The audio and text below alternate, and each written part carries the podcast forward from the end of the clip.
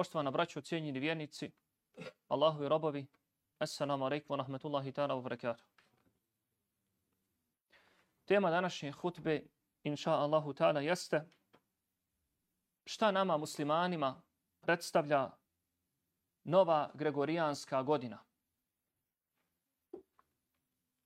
Povodom dolaska nove gregorijanske godine i njenog proslavljanja, što je zapravo čisti kršćanski običaj, želimo podsjetiti na bolnu činjenicu da ovaj događaj, nažalost, obilježavaju slave, proslavljaju, vesele mu se, radoste i tako dalje, čak i neki koji sebe smatraju muslimanima. Vjerovatno nesvjesni da na taj način oni zapravo oponašaju druge narode, a svako oponašanje drugih naroda istovremeno i automatski znači i udaljavanje od islama i njegovih propisa.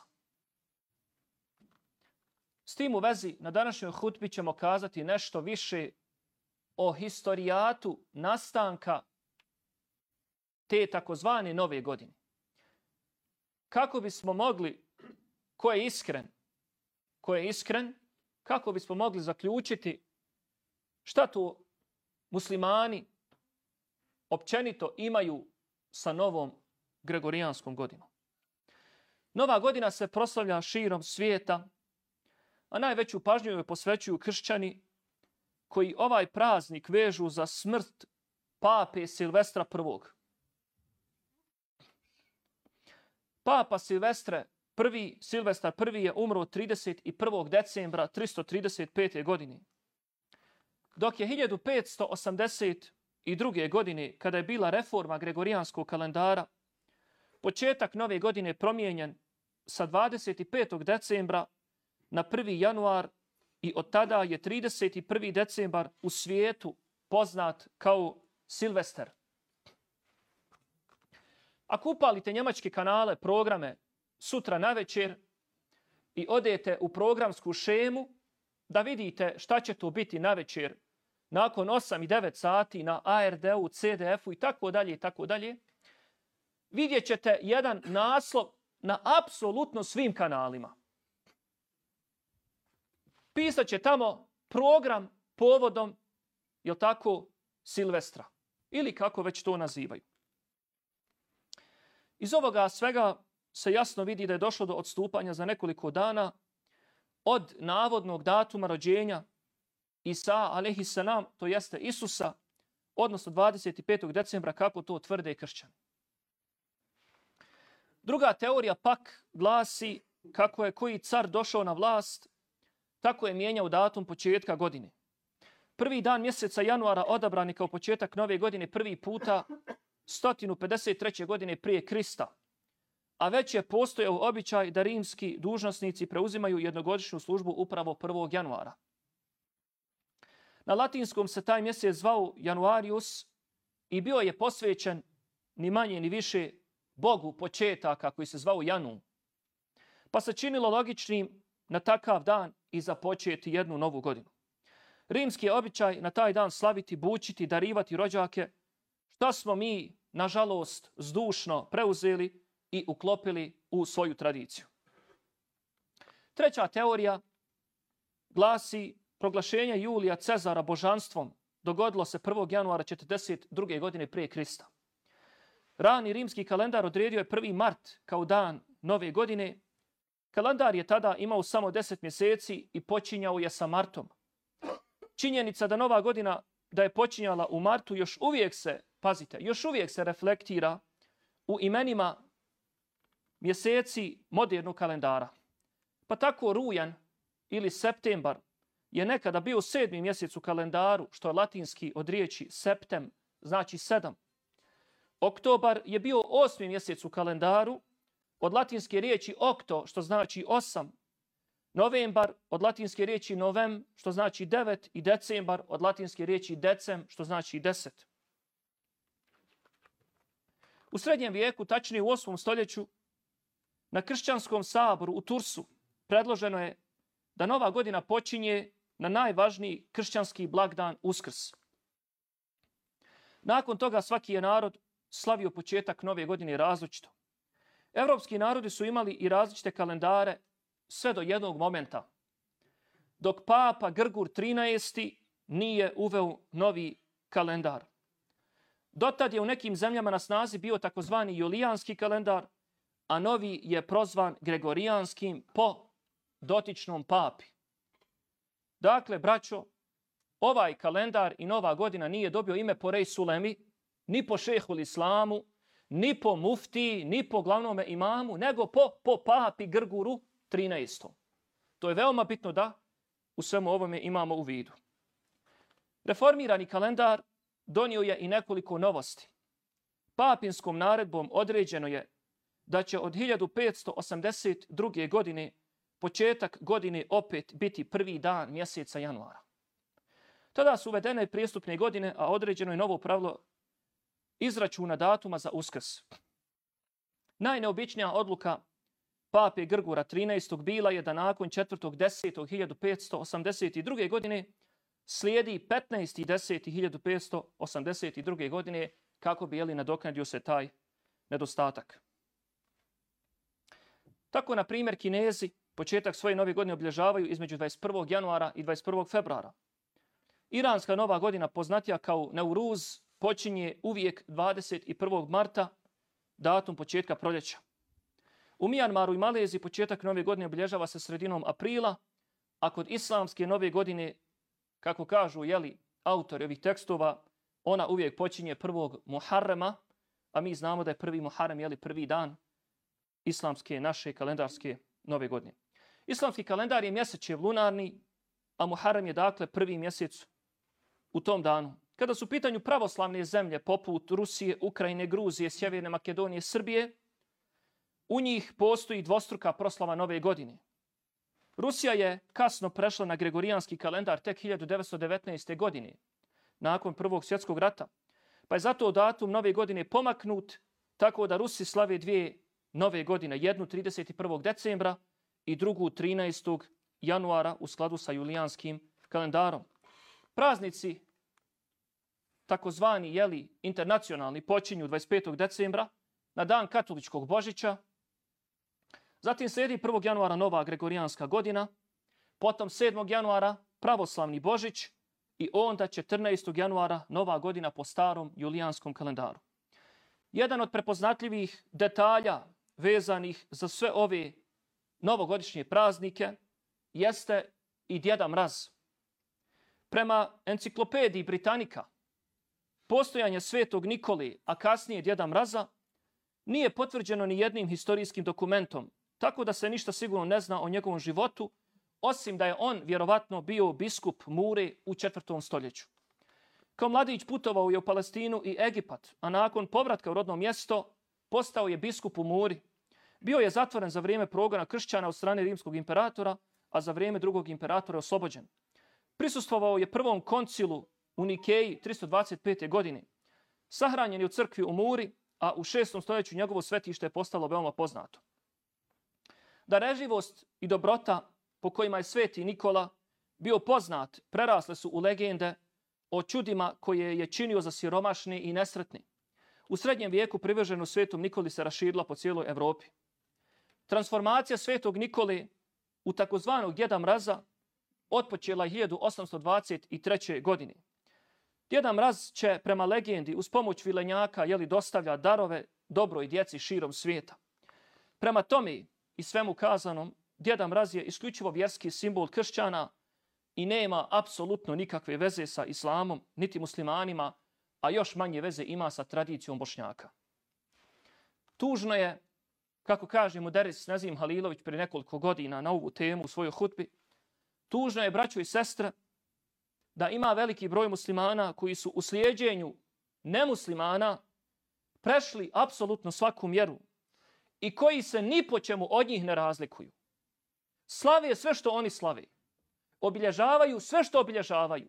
Nose ono što oni nose. Kite ono što oni kite. Još je absurdnije da veliki broj njih to čini uz činjenje harama koji čak izvode i iz islama. Svako činjenje harama, braćo i sestre, znajmo da izaziva Allahovu dželle wa ala srđbu, a posebno javno činjenje harama ima poseban stepen u islamu. Javno činjenje grijeha i to bez sakrivanja, bez stida da ga ljudi vide. Ne samo da nema stida, braćo, nego ljudi to slikaju i sutra dan ustanu na Facebook i javno objavi gdje su bili te noći šta su radili.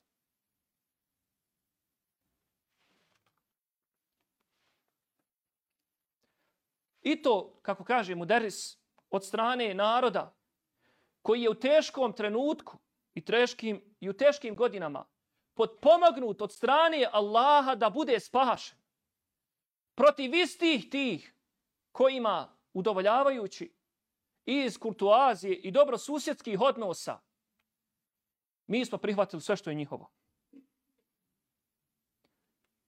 Od strane naroda koji je podpomagnut da opstane onda kada su nevjerničke vojske i njihovi pomagači se udružili da te iste muslimane u potpunosti unište. Čitam jučer na ovu temu jedan komentar, kaže jedan alim iz Bosne i Hercegovine, kaže baš se kaže Ibratim nikako, evo već iz godine u godinu čekam da se neki Marko raspituje za kurban pa da iz dobrosusjedskih odnosa on zakolje kurban za kurban Bajram. Ili za Bajram namaz isto tako. Nećete to naći.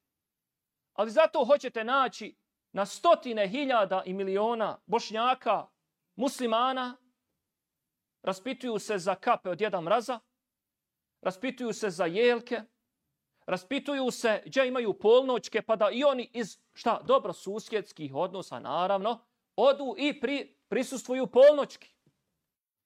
A Marko nikad na Bajram ne dođe. Nikad rođenje poslanika ne čestita. I mi još uvijek čekamo iz dobrosusjedskih odnosa da se nama to čestita. I na kraju kaže Daris Halilović, postavlja se logično pitanje šta činiti u ovoj noći. Odgovor je jednostavan. Ne pridavati ovoj noći apsolutno nikakvu pažnju niti vrijednost u odnosu na druge noći. Ne obilježavati je nikakvim posebnim sjelima, večerama, kahvama, niti gledanjima novogodišnjih programa.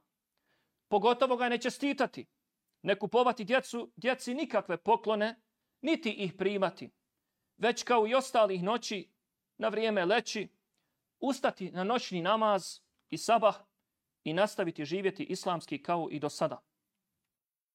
Braćo, Allahu poslanik sallallahu alejhi ve sellem kada je došao iz Mekke u Medinu zatekao je muslimane da rade stvari koje ne pripadaju islamu.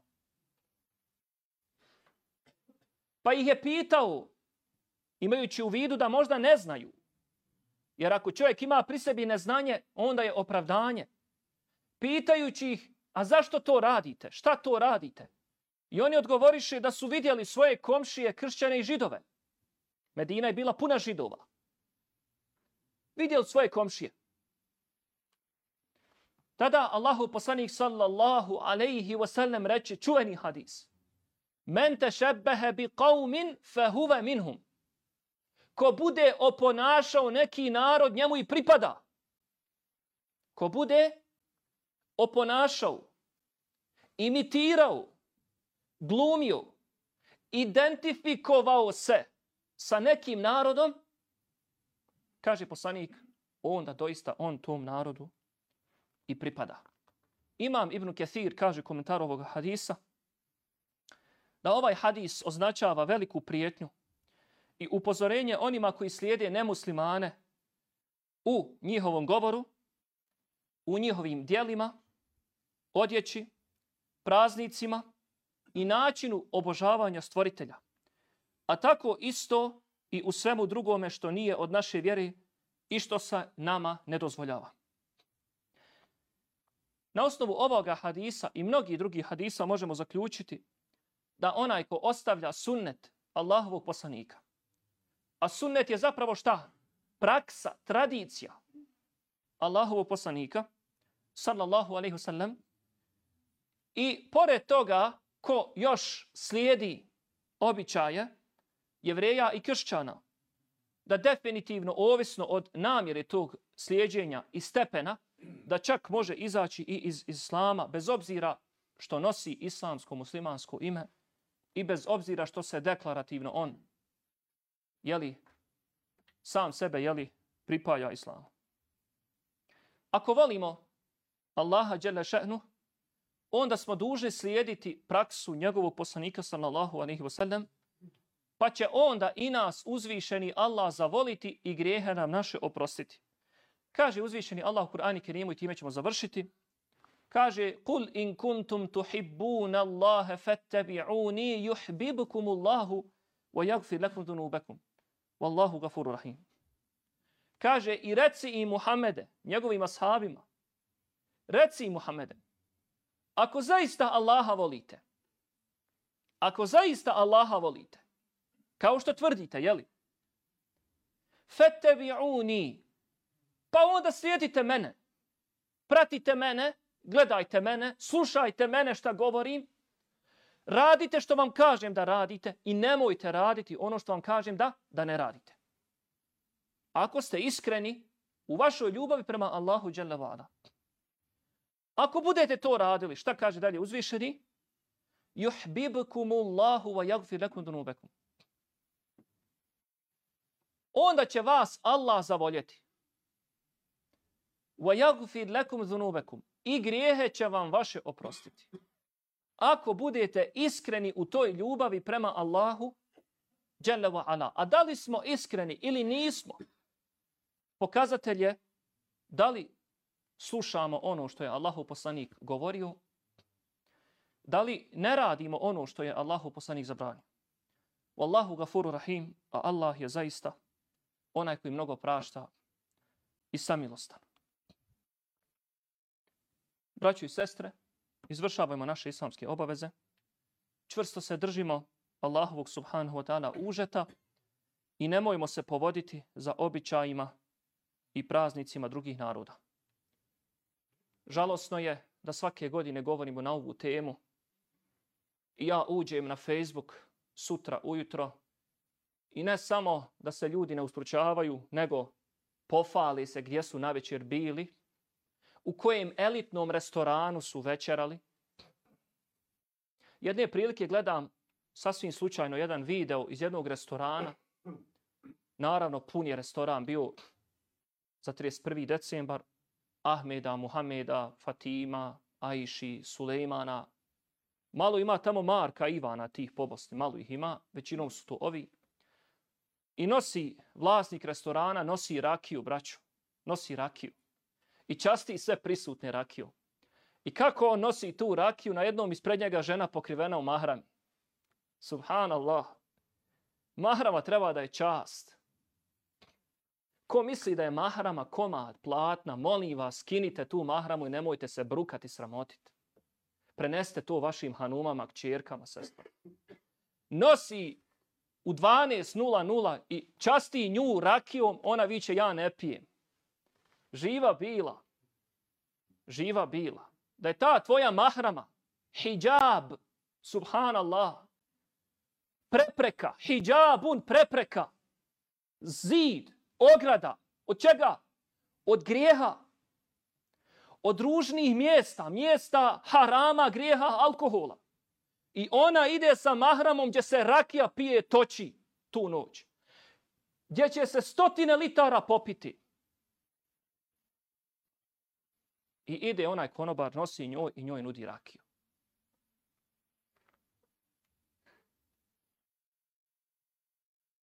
To su paradoksi današnjeg vremena da čovjek sa bradom koja je oličenje bogobojaznosti, minimalnog znanja o Allahu, viđate čovjeka sa bradom po kafanama gdje se alkohol toči. Viđate ga po kladionicama. Tako da je brada postala modni trend i ne nosi se iskreno Allaha radi oponašajući njegovog poslanika. žene nose hijab, subhanallah, zastor, pokrila tijelo od ljudskih pogleda kao to je haram, a onda došla tu gdje se toči alkohol. Musliman koji sjedi tamo gdje se čini haram i on to vidi i ne reaguje, šta kaže uzvišeni u Kur'anu Kerimu? Kaže, inneke iza misluke, isti ste poput njih. Gdje se priča nedoličan govor. Gdje se pcuje. I ti sjediš tu i ne reaguješ, u potpunosti isti kao on. U potpunosti si isti kao on. Nevjerovatno je da muslimani ne znaju za to pravilo. I nevjerovatno je da musliman misli da može svojom dobrom voljom da ode na takvo mjesto i sjedi tu i gleda haram. I smije se, cereka se i da će mu to Allah primiti. Takav odnos da će Allah primiti. Hijab, mahrama, brada, islamsko ime i prezime zapravo trebaju da budu tvoj ID broj, tvoj instinkt i ono što ti jesi. A to je oličenje svega što je lijepo, poželjno, pozitivno, ugodno, korisno. Subhanallah, da ibret bude još veći. Sportaša koji trenira futbal profesionalno i ode u diskoteku do sabaha, šta radi trener? Kažnjavaju ga. Slušam neki dan jedan podcast, razgovor bivšeg košarkaša, kaže da ga je trener kaznio pet utakmica, nećeš, kaže, minute više odigrat. Što? Otišao u diskoteku i ostao do dva, do tri. Pet utakmica nećeš više odigrat minute. A onda dođe žena sa mahramom i sjedne u lokal u kojem će se cijelu noć točiti i piti alkohol. Molimo Allaha ona da nam podari korisno znanje, da progledamo, da nas sačuva od beskorisnog znanja, znanja koje je šuplje, koje je puka informacija, koju mi ne sprovodimo u praksi i od koje nećemo imati koristi ni na dunjalku, ni na ahiretu. Amin, ja rabbal alamin. بارك الله لي ولكم في القرآن العظيم ونفعني الله وإياكم بما فيه من الآيات والذكر الحكيم أقول قولي هذا وأستغفر الله لي ولكم فاستغفروه إنه هو الغفور الرحيم. واذكروا الله يذكركم واشكروه على نعمه يزدكم ولذكر الله أكبر والله يعلم ما تصنعون. اقم الصلاة.